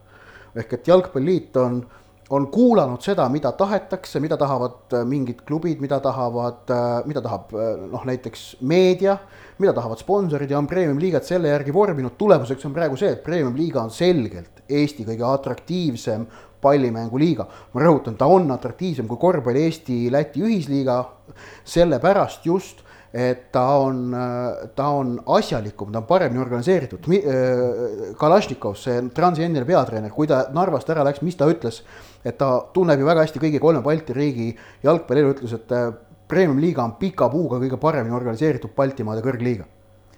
ka mina. näide ja, ja, ja siis olgu veel öeldud ka see, et, et otse loomulikult, et noh, nagu ilmselt teadlikumad on ju podcast'i kuulajad teavad siis meie siin oleme Sokkerneti ajakirjanikud, Sokkerneti enamusosalus kuulub tõesti Jalgpalliliidule, et noh, olgu see nagu full disclosure siinkohal öeldud ja, ja nüüd siis see, et, et noh, et arvamuse me saame iga päev tõesti Jalgpalliliidust kirju, kuidas ja mida me kirjutama peame, siis see noh, pettumust valmistades ei vasta tõele, vaid meil on ainult üks ülesanne, kirjutada jalgpallist ja noh, selles mõttes see on noh, mulle meeldib ikka paralleeli tuua Ameerika jalgpalliprofiliga NFL-iga kes maksab palka ajakirjanikele, et need kirjutaksid nende enda kodulehekülje peal Ameerika jalgpalliprofiligast NFL ja see, kuidas nad kirjutavad, noh, et NFL saab kõige karmimat kriitikat iseenda kodulehekülje peal no ja, ja siia tegelikult veel nii-öelda täpsustusena juurde tuues, et see osalus tõesti on ja osalus tähendab seda, et äh, nemad tegelevad suuresti Rockerneti reklaamimüügiga ja tegelikult absoluutselt igasugune toimetuslik side puudub, ehk siis tegelikult äh, mulle ei ole ka Jalgpalliliidust öeldud, et me peame jalgpallist kirjutama, et. ah, seda ka ei ole öeldud, jah? no, no ma tahtsin nagu täpsustada ka, et, et mitte, et me, see, et me iga päev saame kirju, et me ei saa neid kirju üldse aga me Otiga võime ka kinnitada, kuna me oleme töötanud ka nii-öelda suurtes meediamajades, et, et tegelikult äh, surve kirjutada sellest. mingist mida... kindlast asjast mingit kindlat moodi. ja ka just nimelt, aga kindlat ja. moodi, see. Postimehes on... oli see surve vägagi olemas. vägagi olemas. väga olemas, väga ja, selgelt. ja ka väga konkreetselt, et ärme sellest asjast nüüd negatiivselt kirjutame või kirjutame sellest asjast positiivselt. mitte midagi sellist Sokernetis ei ole, punkt. tulles korra nüüd tagasi selle juurde, olen ka mina kuulnud seda argumenti, et, et mitte keegi ei julge mingeid ideid välja käia, siis satud sa kohe mingisse müstilisse musta nimekirja, kõik no ma olen nagu. ideid käiakse kogu aeg välja. ma olen nagu oma elus päris palju puutunud tegelikult nüüd juba ka kokku aastate jooksul Eesti jalgpallis tegutsevate inimestega. vabandan natukene nagu otsekohese väljenduse poolest, aga nagu munade puudumises ei saa kedagi süüdistada neist, et, et no nagu ei, ei ole sellist asja, et ei julge keegi öelda või et, et ei taha öelda ja ma rõhutaksin siinkohal, nagu sa ütlesid Äh, arvestatakse soovide ja kõikide asjadega, vahel võib tõesti tekkida selline tunne, et mina tahtsin midagi, liit pani käe ette, lükkas tagasi. jällegi tuletame seda meelde, mida ma enne ütlesin, et liit ei saa võtta arvesse ainult äh, näiteks kasvõi ütleme meistriliiga kalendri või mingite reeglite koostamisel ainult Eesti tippklubide soove ja seisukohti, sest ka ja. Eesti tippklubidel muide ja. on väga erinevad lähenemised sellele, kuidas ja. võiks eduni jõuda. ehk et ja, ja ei see, maksa seda unustada. ja, ja kõige, oleme ausad, noh, me teame kõik, kõige häälekam Äh, premium-liiga liige, kes on kõige häälekamalt jalgpalliliitu kritiseerib, üldiselt on Nõmme Kalju. aga seda avalikkuses, mitte siis üldkogudel või, ja, okay, või aga, aga Nõmme Kalju on see ja siis, et noh, et aga miks ühtegi Kalju asja, Kalju mingit sellist radikaalset ettepanekut arvesse võtta, aga ärge unustage ära, et premium-liiga kontekstis ei ole Nõmme Kalju tähtsam kui Tartu Tammeka või Viljandi tulevik. ehk et nad on Just. võrdselt, nende hääl on võrdne. ja kui äh, kaheksa klubi soovivad ühte teed minna ja kaksteist siis on otse loomulikult see, et minnakse seda teed, mida need kaheksa soovivad. see käib näiteks nende solidaarsusmehhanismide ja, ja, ja kõige selle ja, kohta väga hästi. ja välismaalaste arv ja kõik muu selline. ehk et äh, see, et Nõmme Kalju on edukam kui Tartu Tammeka, Viljandi tulevik või Paide linnameeskond või, äh, või, või Narva Trans, e-, ei anna nende häälele suuremat kaalu premium-liiga siseses kont-, kontekstis. Nad on üks kümnest seal, samamoodi nagu on seda ka Flora, Levadia, äh, Maardu, kõik, kõik teised aga fakt muidugi on see, nagu sa, Kaspar, enne väga õigesti ütlesid, küsitakse käsi laiutades, kus on areng. ehk eh, noh, ma isiklikult näen ikkagi ka, et väga palju, sellest on olnud ka nüüd juttu, Andres Ooper käis Õhtulehe podcastis, rääkis väga põnevat juttu. Eh, kui ikkagi koondise abitreener ütleb otse, et kui me peame hakkama A-koondise trennis seletama mäng, mingitele mängijatele, kuidas ja kuhu sööta, kummale jalale anda söötu siis on midagi natukene mäda. Ja ärme unustame seda, A-koondises saab teha ikkagi tööd selle materjaliga, mis sul on võtta, mis sulle antakse. No, ja, ja see ja... töö peab käima klubides. Ja leian, mina isiklikult leian, et, et klubidel on väga palju vajakajäämisi seni olnud ja kõike ei saa ka teha alaliit, ükskõik millisest alast me räägime. No.. miskipärast mulle tundub, jalgpalliliidult vahel oodatakse natukene liiga palju kõikide maailma probleemide lahendamist mille siis klubid tänulikult võtavad vastu. no lõppeks on ka see, et, et tõesti Aivar Pohlak ju neid noori ise ei treeni ja ta ei peagi seda tegema. aga arvestades, et meil on kakskümmend tuhat jalgpalliharrastajat ametlikult ja meil on toimunud. mitteametlikult umbes kümme tuhat veel. ja et meil on toimunud riigis U üheksateist EM-finaalturniir, meil järgmisel aastal toimub U seitseteist EM-finaalturniir. me korraldasime UEFA superkarikat, siis selliseid asju ei toimu väga palju mujal sellistes riikides, kus on kakskümmend tuhat jalgpalliharrastajat. ja kui keegi mõtleb, et no mis siis on, et mingid välismaa satsid käisid siin mängimas, siis eh, noh, näiteks seesama eh, superkarika mõju on ju laialdasemalt selline, et, et kogu selle ažiotaaži ja, ja selle tõttu, et, et jalgpall sai nii suurt tähelepanu ka Eesti meedias tänu sellele ja, ja üldse nagu Eesti ühiskonnas Äh, suurenes sügisel trenni läinud laste hulk taaskord märgatavalt, noh, see on suurusjärk midagi kolmandik või midagi sellist, nagu juhtus ka siis, kui Eesti jõudis kaks tuhat üksteist play-off'i, on ju toona oli ka Aivar Pohlak, Eesti Jalgpalliliidu president, aga, aga ühesõnaga, et, et, et sellised sündmused, need võimendavad ja need toovad jalgpalli juurde uusi inimesi, ehk noh, jah ja. ja nüüd lõpetuseks see, et, et aga miks, miks te ajakirjanikud ikkagi Pohlakut toetate, miks te, miks te tema vastu ei ole? ausalt öelda noh, ütleme, pole nagu põhjust, kui Eesti jalgpall, kui Eesti jalgpalli seest ei tule signaale, mis ütleksid, et, et nad tahavad Jalgpalliliidu juhtimist, siis nagu pole nagu mingit seisukohta, mida siin võimendada või mida väga kajastada, ausalt öelda. et see, see on nagu väga lihtne, et, et kogu kriitika, mida Pohlak tegelikult on nüüd saanud viimase selle nädala jooksul on ju tulnud jalgpallist väljaspoolt. jalgpalli seest Pohlaku enda pihta kriitikat sisuliselt pole olnud ja, ja ongi noh, see ongi nagu see võtmekoht, et sellepärast. see ei ja, ole, see, ei ole see... ringkaitse, vaid see on täpselt nagu sa ütlesid, et, et inimesed, kes on ikkagi asjaga kursis, et noh, ma ei taha kolleege maha teha, aga ma teinekord on ju näha, et, arvab ja kirjutab inimene, kes tegelikult ei ole jalgpallis toimuvate protsessidega kursis loomulikult jah, on, on sageli lihtsalt ka Aivar see... Pohlaku isik konkreetselt ja, see. ei, see, et mis... Pohlak on ärritav isik, see ei ole kellegi jaoks uudis ju.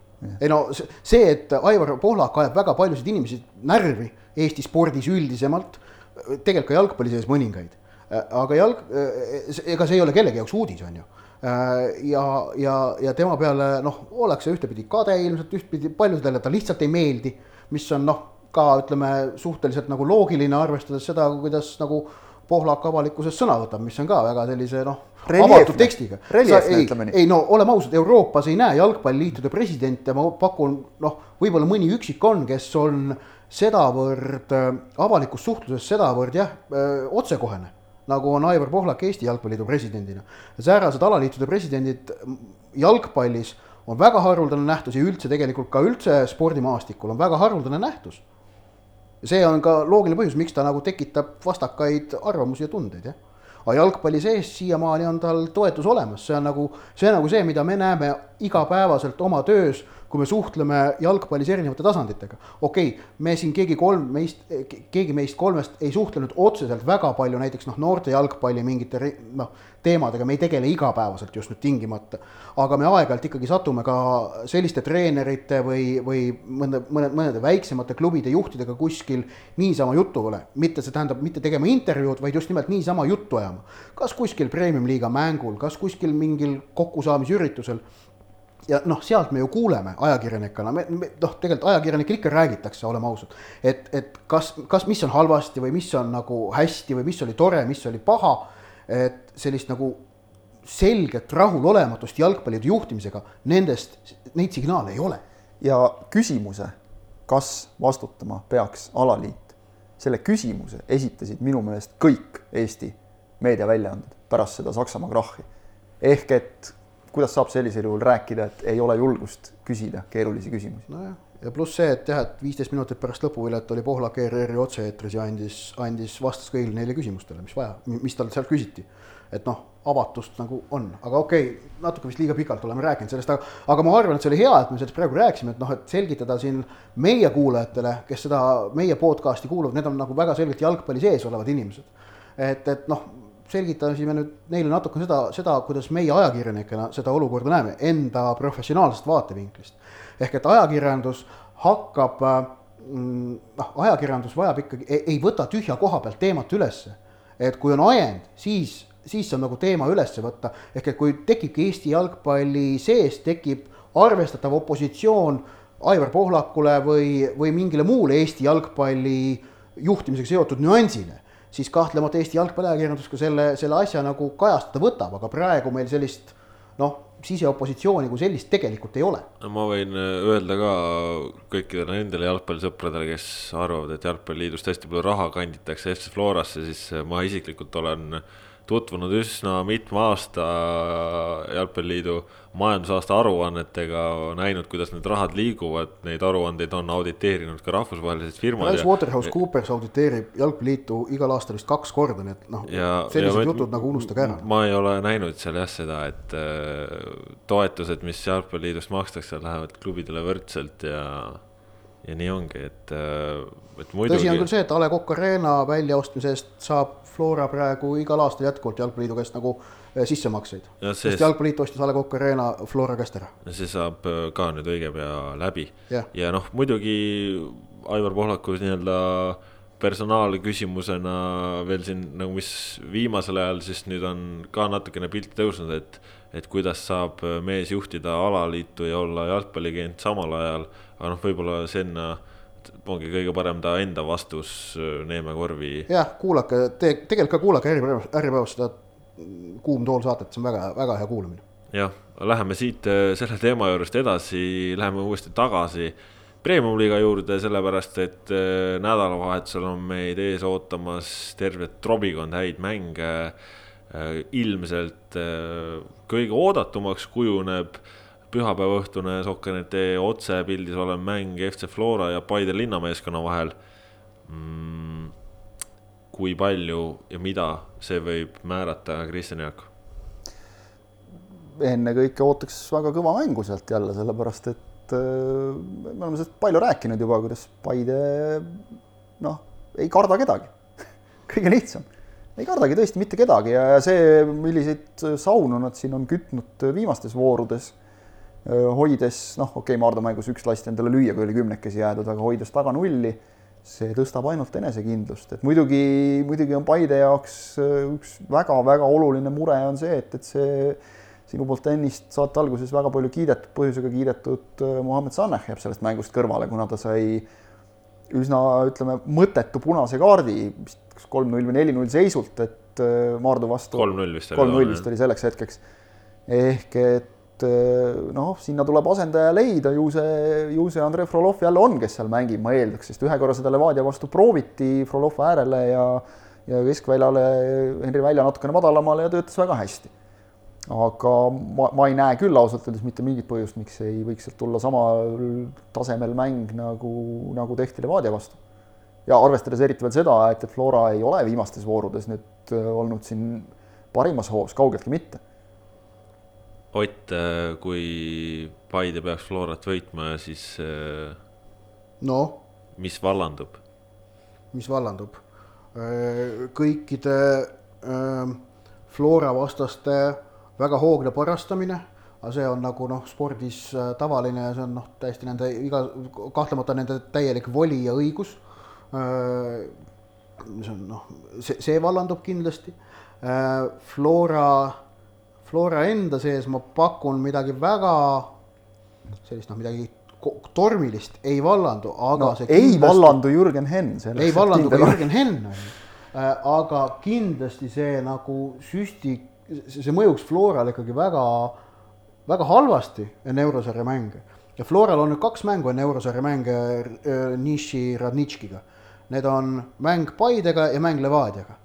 Nende, need, see on tegelikult perfektne ettevalmistus eurosarjaks. Floral on selles mõttes kõige parem minna eurosarjale, et nad saavad kaks väga korralikku mängu sobivate pausidega enne seda, kui nad mängivad siis kaks korda selle Serbia satsiga. ja, ja noh, nende mängude noh, neid mänge Floral on vaja, et tekitada sealt hea tunne, leida mänguline rütm, et ähm, kui nad, kui nad Paidele kaotavad, siis see kindlasti selle noh, mõjub enesekindlusele, see, see on loogiline. aga mis sa arvad, kui tõenäoline see on, et äh, Flora ütleme siis ei Kaot. võida? et Flora ei Paidet. võida, see on üpriski tõenäoline, selles mõttes, et noh, et ma ei tea, mingi ligi viiskümmend protsenti aga et nad kaotavad seda, ma, see, see on vähetõenäoline minu meelest ikkagi, ma arvan. et ma... Flora, Flora on selles mängus soosik, kas nüüd selge soosik, ilmselt on õige öelda isegi siiski ikkagi selge soosik. pigem ikka selge soosik. selge soosik. ma paneks nii kümme-viisteist protsenti võib-olla Paide võidu. jah. mina arvan seda, et Flora, aga see, et Flora võidab, on samas jälle mingi noh, viiskümmend viis, kuuskümmend, mitte rohkem on ju, et noh, selline, selline mäng see tuleb. seda enam, et Paidele tegelikult noh, viik on ikkagi väga positiivne tulemus. jah, jah, jah ja, ja nüüd see... aga see, et Pai-, et kas Paide suudab olla Floral, muidugi suudavad, noh, et, et need Jata ja Jao on, on kahtlemata, esitavad ka nüüd Flora äärekaitsjatele korraliku väljakutse no, pluss keskkaitsjad Pürg ja Kuusk ilmselt juba praegu näevad unes Tarmo Neemelot. just. no siin ongi huvitav äh, Jao puhul just see, et, et kui ta siin eelmisel aastal näiteks üksinda kogu aeg möllas ja ikka no üldse ei leidnud seda väravat üles, siis nüüd on ta leidnud suurepärase sõbra, kellele see pall sööta ja neid väravasööte sealt tuleb ja see kombo toimib ikkagi hästi. ühesõnaga kindlasti pühapäeval tasub staadionile tulla ja kes ei, ei, ei saa mahti, puhkab, on kuskilt Tallinnast eemal, siis vaadake Sokkernetist äh, otsepildis seda mängu. ja mänge on tegelikult veel põnevaid äh, reedel. Tartu Tammeka, Nõmme Kalju, seda just põhjusel, et, et noh, kuigi eelmisel aastal su duell juba pakkus selliseid võrdseid vastasseise, siis nüüd Tammeka hakkab ikkagi laineharjale jõudma ja Kalju nad, nad nagu saavad oma tulemusi, aga see mängupilt pole nii veenev, ehk siis eh, noh, sealt võib oodata huvitavat matši, kuigi on ka alati olemas tõenäosus, et see muutub väga ühepoolseks ja seda siis eh, külalismeeskonna eh, positiivsemast vaatepunktist, aga ikkagi ma arvan, see on ka matš, mida tasub vaadata. no kiire ennustus, et Tammeka seda mängu viis-kaks, seda mängu ei võida. aga, aga jah noh, Tammeka on leidnud äh, mehe, kes lööb, Sten Reinkord, kes on äh, nüüd järsku leidnud ennast ja, ja, ja hakanud lööma, miks ta ei võiks lüüa ka Kaljule. Tammekal oli seda ülihädasti vaja, et saada oma rünnak jälle käima, sest noh, prosa väljalangemine oli ikkagi täielik šokk. sinnasamasse juurde kohe ka Jõgi veel ehk et noh, sul on ikkagi kaks nagu põhilist ründeraskuse kandjat on väljas okei okay,, Koskori saavad nüüd tagasi, aga, aga noh, ega see Koskor nüüd ka imemees ei ole oma pooleaastase puhkuse pealt, et tuleb ja kukub paugutama kohe. ehk et. Äh, sõnasid ära praegu. ja, ja äh, noh, ei Tammeka võtab vastu kindlasti. lööb, lööb, lööb esimeses mängus tulevikule kübara ilmselt. tuleb ja hakkab lööma, tõenäoliselt jah, arvestades minu ajalugu ennustuste ja muude asjadega. nagu me Pange... kõik, nagu me kõik nagu, me oleme vist jalgpalliajakirjanikud, me oleme ärasõnamises jalgpalliajakirjanikud, kommentaatorid hakka rääkima, et, et keegi tegi midagi hästi ja kohe ta teeb mingi õudsa ja, kala sinna otsa. aga ei, Tammeka, Tammeka oli suur pluss oli ikkagi see, et, et noh, nagu ma ütlesin, et Transi vastu oli meeskond väljakul, see meeskond usub jälle endasse, vaadates, kuidas kuidas Kaido Koppel seal väljaku kõrval juhendab, et, et see, see usk ei ole kuskile ära kadunud, lihtsalt mingil hetkel ei tulnud tulemused järele, et, et noh, tegelikult tegu on ju, on ju päris kenasti tasakaalus meeskonnaga, on sul seal Tekot, Äh, noh, Sairinen saab ka nagu eelmisel aastal nägime, lagi on kõrgemalt, saab ainult paremaks minna, ehk et noh, materjal on. ta on võistkondlikult tugev, on ikkagi Tammeka, tal on see, et, et äh, jah, et äh, hea ikkagi ütleme, on, on, on igale positsioonile selles mõttes on duublist asendus võtta, ilma et see kvaliteedi kadu oleks mingi tead mis tohutu, on ju. et selles mõttes ta on ikkagi ühtlane võistkond, tõsi, tal on oma kindlad liidrid, keda tal on vaja, et need mängiksid hästi aga, aga see, kui nad, kui nad peavad noh, praegu ka veelma, pandi põhisse, lõi värava Transi vastu, seitsmeteistaastane kutt on ju.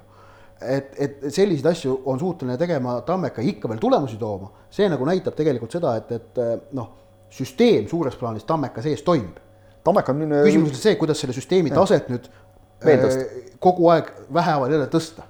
see, selles mõttes Tammeka on parim näide, et, et tõesti no noh, okei okay,, mitte kõik, aga no valdav enamik neid, kes tuuakse duublist täpselt kuueteist, seitsmeteistaastasena, nad noh, neist saavad mängumehed ikkagi.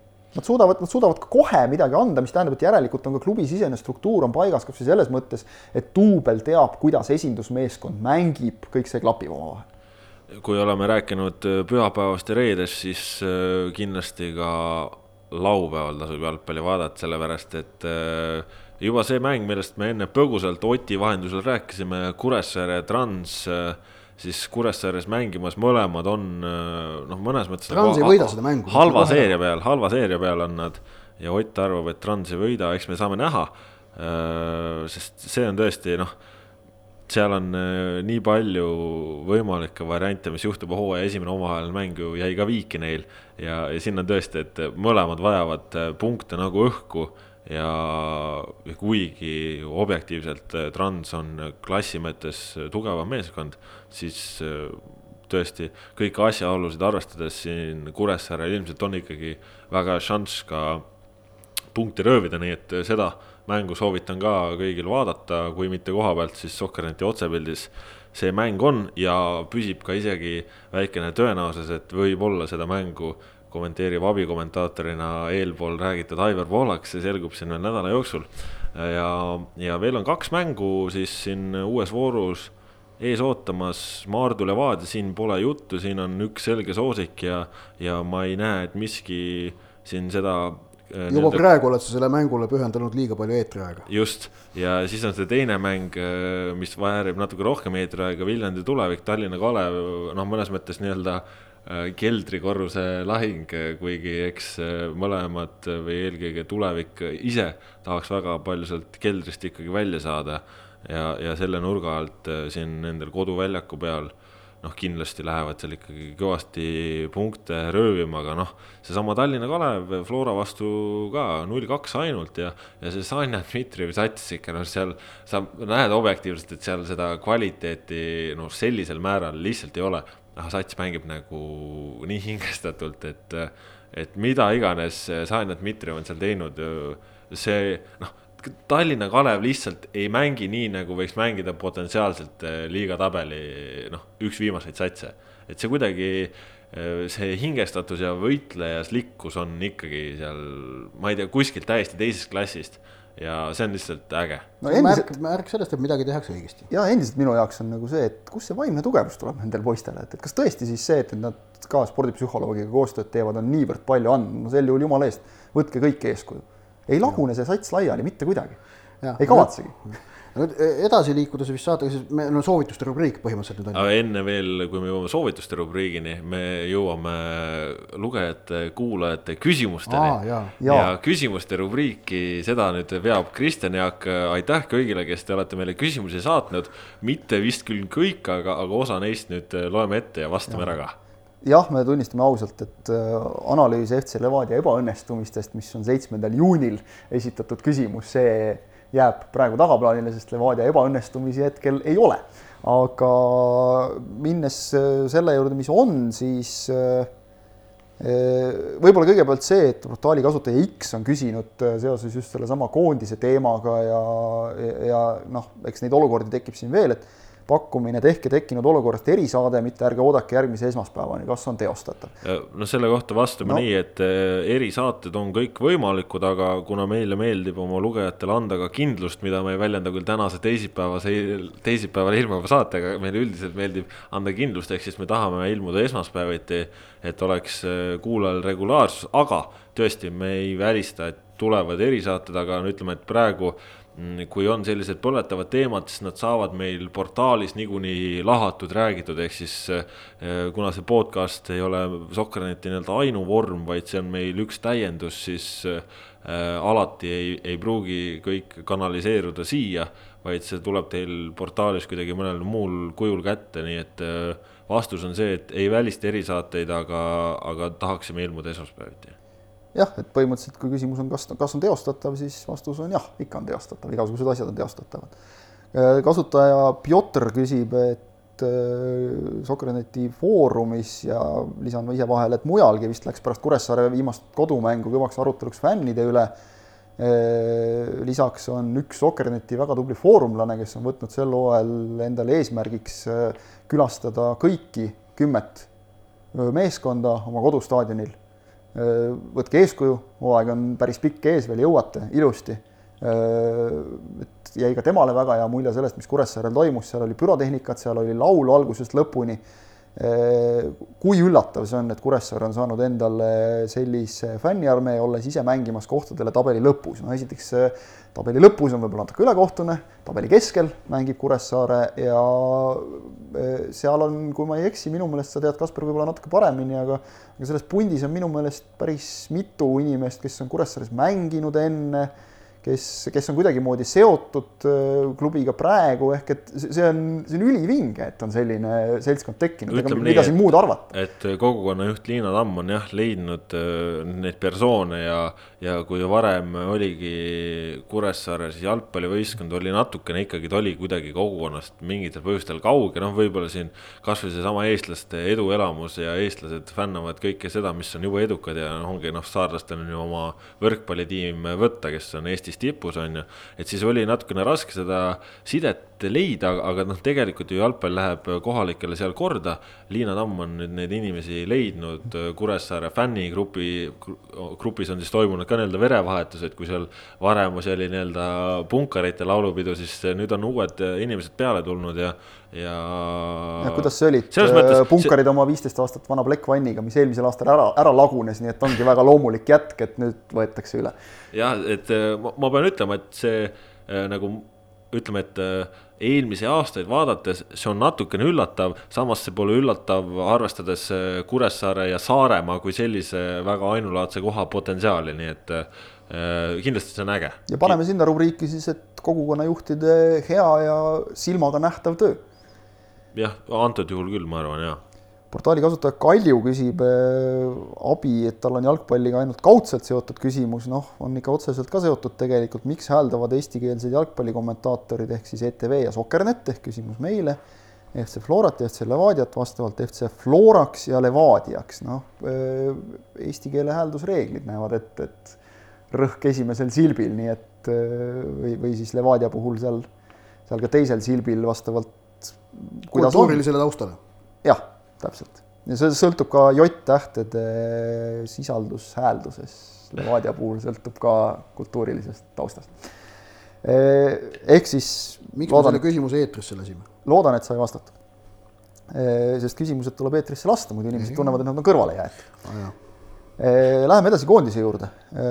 portaali kasutaja väga sobivalt küsimärk tunneb huvi, kui mõttekas on meie arvates kolme potentsiaalse koondislase Norras tühja istumine, jutt siis Brent Lepistust, Matvei Igonenist, Andres Vaiklast. lühike vastus vist oleks, et äh, ei ole mõttekas. aga noh, Lepistu ja, ja, ilmselgelt. ja pikk vastus on tegelikult ka see, et ega nad sinna istuma ei jää. ega nad sinna istuma ei jää, sest Lepistu noh, ilmselgelt otsib uut klubi endale ja usun, et ega Igonen ja Vaikla ei ole ka huvitatud pikaks ajaks seal Just. passimisest ja et... siit on hea minna edasi järgmise küsimuse juurde, kasutaja, eh, ma ei teagi, MNKZ, miks üritan seda kokku hääldada, eh, leiab, et eh, Lepistut oleks just kiiremas korras tagasi vaja koondisesse. kõige potentsiaalikam tüüp keskel passe jagama, suudab olukordi tekitada, ise ohtlik olla ja teisi motiveerida. no motiveerida kindlasti endine drill seersant suudab väga hästi noh, me oleme vist tegelikult seda küsimust ka natukene lahanud juba oma saadetes, et. no äh, Lepistul ütleme, ongi vaja lihtsalt rahvusvahelisel tasemel mänge regulaarselt, et no, ta, temas on see sisu on olemas. Äh, teine sama mees on Ilja Antonov tegelikult. tal on ka, on ka mänguliselt on, äh, on elemente, mis on väga head ja, ja tal vajab lihtsalt seda rahvusvahelist kogemust, et see Norrasse, ütleme, et Eestis siin Florast oli ju kunn, ta oli kapten, ta vedas seda meeskonda, ta oli noh, tõeline, tõeline keskvälja lõvi, on ju, siis.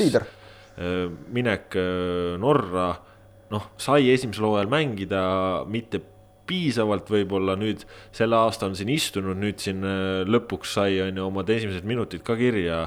et see on positiivne ja eks siis äh, saame näha, aga kindlasti tema perspektiiv on ka olla kohas, kus ta saab äh, minuteid ja, ja loodame, et ta selle koha ka leiab, sest, sest ainult minutitega võib sealt veel asja saada, et äh, kindlasti ütleme, et et kui me koondise seisukohast räägime, et miks ta puudu on, noh siis kui ta ei ole mänginud, siis on loogiline, et ta on puudu, et, et nii ongi ja, ja noh, Iljana Antonov ju ka värskelt vahetas klubi, nii et äh, Äh, saame näha siis, kuidas tal seal Armeenias minema hakkab. kahtlemata Eesti koondisel oleks äh, väga vaja, et nii Brent Lepistu kui Iljan Antonov saaksid oma klubis, kus iganes see ka on, regulaarselt äh, mänguaega.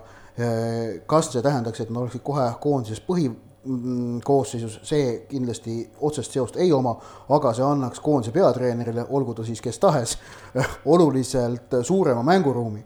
ehk et just nimelt see tekitaks koondise sees kindlasti teravama konkurentsiolukorra, laiendaks peatreeneri valikuid, mänguplaani koostamisel ka kusjuures, et noh, muidugi on vaja, et noh, keskpoolkaitsjaid on alati vaja, et mida rohkem neid on, seda parem. ja, ja viimane küsimus äh, tuleb jalgpallisõbralt Kribenskilt. Äh, kas, millal või kunagi muutub äh, Rahvuste Liiga finaalturniir populaarsemaks? kui küsimus on kas, siis vastus on jah. ma ei leia, et, et see järgmine küsimus oli millal no,? järgmine kord järgmisel korral tõenäoliselt jah, sest ma, ma ei leia, et, et see Rahvuste Liiga finaalturniir, miskipärast olen ka kuulnud nagu, et, et oli, oli nagu nurgatagune üritus ja kuidagi mõttetu asi, et, et esimest korda peeti, inimesed ei ole veel harjunud. Portugal-Holland finaal, mida sa veel tahad? mängud olid ju väga korralikud minu meelest. no muidugi oli ka näha, et mis tal viga? ega tegelikult ju võitja seal nüüd ülemäära ei hakanud tähistama, et, et eks ta oma tähtsuselt ta ei saa kindlasti olema võrdväärne MM-i või EM-iga. aga, aga, aga kindlasti see tähelepanu tõuseb ja, ja ilmselt ei peagi. ja eks ta jääbki selliseks noh, omamoodi võistluseks, aga no,. tuletame meelde, et ta loodi. aga kindlasti see tähelepanu suureneb. ta loodi ju sõprusmängude asendajaks ja, tegelikult. ei, aga mi, et... miks, miks ta tähtsus suureneb ja miks see tähtsus on tegelikult ikkagi ka praegu olemas, on see, et koondiste jalgpallis on mängus ülivähe tiitleid, ülivähe ja noh, nüüd lihtsalt on üks tiitel, mille peale mängida, on veel, veel juures ja noh, mängijate jaoks Äh, koondisega võidetud tiitel on alati ülimalt tähtis, reeglina tähtsam kui klubi, klubivõidud, oleme ausad. ja, ja see nagu noh, see tähendab, see motiveerib mängijaid tohutult ja see omakorda äh, automaatselt juba kaasab kõik ülejäänu, sest kui mängijad on tohutult motiveeritud selle nimel, siis nad äh,, siis, siis, siis see paneb ülejäänud kõik mehhanismid ja protsessid tööle. ja nüüd ma usun, et äh, järgmine kord on mängijad veel motiveeritumad, kui nad olid motiveeritumad, kui nad olid sedapuhku, sellepärast et noh, nad nägid, kuivõrd nauditav see oli Portugali jaoks, et nad said kodupubliku ees seda tiitlit ikkagi tähistada. seda asja, sellest asjast unistab iga nagu tippjalgpallur, koondisega kodupubliku ees võita ja tähistada. Ärme unustame, rahvuste liigas on see kodupubliku ees mängimine noh, palju rohkem võimalik kui EM-idel või MM-idel. kakskümmend viis protsenti on ju. jah, kakskümmend viis protsenti ehk et noh, et kes on nagu need, kes on saanud viimasel ajal kodupubliku ees võitu tähistada koondiste jalgpallis. okei okay,, Prantsusmaa üheksakümmend kaheksa. Ehm, kas Tšiili võitis ühe Copa Ameerika kodus vist? jah, võitis küll. ja noh, nüüd Portugal sellega. jah, pigem on nagu olnud läinud nii, eks ole, et, et kodus on sul seesama Portugal, et sul on kodus turniir ja siis sealt finaalis tappa, mis on nagu eriti valus aga nüüd on küsimustega ühel pool ja siit on meil veel sihuke väike remarkide rubriik ja Ott, siit on ja. tegelikult sulle tõukuv küsimus. kas Nii. äkki Prantsusmaa naised saavad kodus tähistada tiitlivõitu? võib täitsa vabalt juhtuda, et Prantsusmaal oli küll väga keeruline kaheksandikfinaal äh, Brasiilia vastu, mille nad võitsid alles lisaajal aga jah, et kui siin sai soovitatud ennem, et vaadake nädalavahetusel kindlasti Eesti jalgpalli, siis neljapäev, reede, laupäev on nüüd need päevad, kui naiste maailmameistrivõistlustel mängitakse mängitakse veerandfinaale ja, ja soo-, noh, viimane veerandfinaal selgub täna, on kaheksandfinaali paaridest Itaalia, Hiina ja, ja Holland, Jaapan. noh, soosikud on Itaalia ja Holland. kuigi ka Jaapan on ju väga kõva. Jaapan on kõva, noh, eelmise MM-i finalist, üle-eelmise korra maailmameister, aga võistkond on teinud selge noorenduskuuri Inglismaa vastu oldi kohati päris ohtlikud, aga ma ütlen, see Hollandi ründekolmik täna õhtul, noh, vaadake, kell kümme hakkab see mäng peale Hollandi ründekolmik, Liikemaa, Mertens, Van de, Van de Schenden.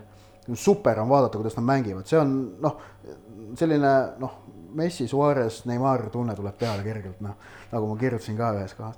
et aga ühesõnaga jah, et naiste mm on noh, ma olen seda jälginud päris põhjalikult ja on pakkunud äh, huvitavaid jalgpallilisi naudinguid, näiteks eileõhtune mäng Rootsi-Kanada äh, kaheksandikfinaal kus Rootsi tegi taktikaliselt hiilgava partii, kuidas äh, hindasid adekvaatselt ilmselt nagu enda võimekust palliga mängus, võrdlesid seda Kanada võimekusega, loovutasid meelega initsiatiivi ja äh, selle, tapsid seda Kanada vaimustust niimoodi noh, iga kümne minutiga jälle natukene tapsid seda Kanada vaimustust ja tapsid veel natukene. ja, ja lõpuks äh, Kanada eksiski seal kuuekümnenda minuti kandis, Rootsi sai kontrasse, kasutas selle hiilgavalt ära, lõid üks-null värava ja siis tegelikult noh, okei okay,, läks ärevaks küll, Kanada sai veel ka penalti, on ju, aga, aga tegelikult nagu Rootsi mängis taktikaliselt väga hea partii ja seda oli, seda oli väga kaunis vaadata. et äh, nüüd seal veerandfinaalides on noh, Norra, Inglismaa, äh, Prantsusmaa, USA, mida, mille kohta öeldakse, et see on varjatud finaal, et noh, veerandfinaal ja siis on veerandfinaal veel Saksamaa, Rootsi ja nüüd siis see neljas, mis tuleb nüüd täna selgub, et et soovitan ausalt vaadata, et väga-väga head äh, noh, see, kes ei ole naiste jalgpalli varem vaadanud ja läheb sinna nüüd eelarvamuste vabalt, eelarvamuste vabalt ma mõtlen seda, et ei tohi võrrelda naiste jalgpalli meeste jalgpalliga, need on kaks erinevat mängu. siis ma usun, et ta ikkagi üllatub positiivselt. Ning olgu öeldud siis ka see, et jah, et järgmine nädal Järvelat podcast'is ei ole, sest ma olen naiste jalgpalli MM-i kajastamas, ehk ma lähen poolfinaale Lyoni kajastama ja Soccernetis see kajastus äh, igatepidi meil tuleb. Just ja kes siis naiste jalgpalli kõrvalt ja Eesti jalgpalli kõrvalt leiab veel aega, siis tegelikult ju käivad meil ka suured rahvusvahelised äh, turniirid, Gold Cup ja, ja Copa Ameerika, nii et seda. ja Aafrika meistrivõistlused. ja Aafrika meistrivõistlused ka, nii et seda öist ja päevast jalgpalli on tegelikult praegu ikkagi väga-väga palju. jah, U kakskümmend üks. EM ka veel. EM käib ja, ja turniire on jah kõvasti, et kahju küll, et, et neid äh, Eestis nagu väga. U kakskümmend üks EM-i ERR pidi näitama finaalmängu. no naiste MM-ilt ka näidatakse. alates veerandfinaalist hakatakse näitama, jah. nii et, et saate, saate vaadata küll, aga, aga jah, ütleme Copa Ameerikad ja ja, ja Aafrika rahvuste karikas kahjuks on meil ka ära kadunud, aga, aga noh, ütleme nii, et, et me ei alahinda oma lugejate, kuulajate leidlikkust, et kindlasti te leiate viisi, kuidas neid mänge ka näha. no samas ikkagi on ka natuke tüütu, et need kõik samal ajal on see on muidugi tõsi jah, aga. see on paratamatu. see on paratamatu, sellepärast et klubide surve koondise kalendrite harmoniseerumiseks on olnud väga suur ja noh, tegelikult see on ka loogiline, et ma, seda ei saa klubidele ette heita, et nad tahavad, et koondise jalgpall toimuks kindlatel aegadel ja, ja sest see noh, muudab oluliselt hõlpsamaks klubide ettevalmistamise hooaegadeks hooaegade kulgemise ja ka selle, et mängijad saavad enam-vähem ühes rütmis hooajaks valmistuda. ehk praegu kõik need äh, meistrivõistlused, mis praegu käivad, nad ikkagi juuli keskpaigaks või juuli seal esimese kümne päeva jooksul lõpevad ära, siis saavad seal mängijad noh, oma selle kaks-kolm nädalat puhkust ja siis saavad alustada äh, uueks hooajaks normaalse no, kõige markantsem näide on, on loomulikult ongi just need Aafrika meistrivõistlused, kus, eks ole, klubid pidid ära andma oma noh, e-, enamasti ikkagi mingi osa, mingid põhimehed äh, lihtsalt keset talve ja kusjuures see oli iga aasta, kahe aasta tagant, mitte iga nelja aasta tagant, ehk et see ikkagi mõjutab märkimisväärselt ja ma kujutan ette, et nii mõnigi Aafrika mängija on võib-olla mõnest lepingust seetõttu ilma jäänud, et klubi ei tahtnud sellist riski võtta, kui koondis seda, seda küll, aga ütleme noh, tegelikult võib-olla ka äh, suuremalt äh, kuidagi äkki peaks äh, tegema mingisuguse revolutsiooni, et ütleme, et üks aasta on mm, järgmine aasta on näiteks Copa Ameerika no,, siis sellest järgmine aasta on Euroopa meistrivõistlused. kes teevad ikka nii, nagu ise tahavad. graafik on nüüd ju paigas Copa Ameerika mängitakse uuesti järgmisel aastal, ta lähebki, mängitakse tänavu, mängitakse järgmine aasta ka ja siis ta hakkabki olema iga nelja aasta tagant. Copa Ameerika hakkab olema samal ajal kui Euroopa meistrivõistlused no,. täpselt, aga vot see ongi probleem, võib-olla võiks olla veel üks seal nihe, sest ütleme, ütleme, et ongi, et on Euroopa no, meistrikad. ja, ja siis hakkavad Aafrika ja Aaf, jällegi Aafrika ja Gold Cup hakkavad olema iga kahe aasta tagant paaritutel ja meil jäävad veel alles, on ju Aasia meistrivõistlused, mida mängitakse aasta enne MM-i ja mängitakse vist suvel ikkagi, ei või oli talvel, ei suvel ikkagi minu meelest oli. see oli son ikkagi, ikkagi keset, keset, keset. keset hooaega, siis Son käis kuskil ju okay. asjatamas no,. see on praegu see, kui talvel, eks näis, kas ta jääb sinna. on ju, et aga noh, selge on see, et, et äh, tähendab kõik, mis ei ole EM, kannatavad selle peal ehk et praegu ka, praegu muuseas isegi Copa Ameerika, ma väidan, kannatab seoses sellega, et nad on naiste ja MM-iga samal ajal. naiste MM maailma meedias on pälvinud tohutult suurt tähelepanu, vaadata, vaadake seda, mis noh, CNN-i spordiuudised ja kõik muu selline asi, mis nagu dikteerivad tegelikult sellist teemade valikut. BBC sport on ju, sellised asjad praegu noh, naiste mm on vähemalt selgelt, sama tähtis kui Copa Ameerika ning Aafrika meistrivõistlused ja Gold Cup on kuskil noh, allpool. Vot, meil on vist poolteist tundi saadet või äh,? mitte päris, aga rekordiliselt pikk äh, saade on täna küll äh, valmis saanud. soovime siis õnne iseendale. aitäh kõigile, kes selle Vastu saate pidasid. ära kuulasid, saate tänase siis kuueteistkümnenda saatesarjast Pikk ette ja ise järele tõid teieni Kaspar Elissäär, Ott Järvele ja Kristjan Jaak Kangur. kuulake meid ikka sealt, kust ise tahate, SoundCloud, Spotify, iTunes, kust iganes vaja ja siis saatke meile ka küsimusi, proovime siin regulaarselt nendele vastama hakata. kirjutage meile postkastidesse, kommentaariumitesse, kuhu ainult soovi on, Twitterisse hashtag pikk ette ja nii edasi. aitäh, et olite, kuulmiseni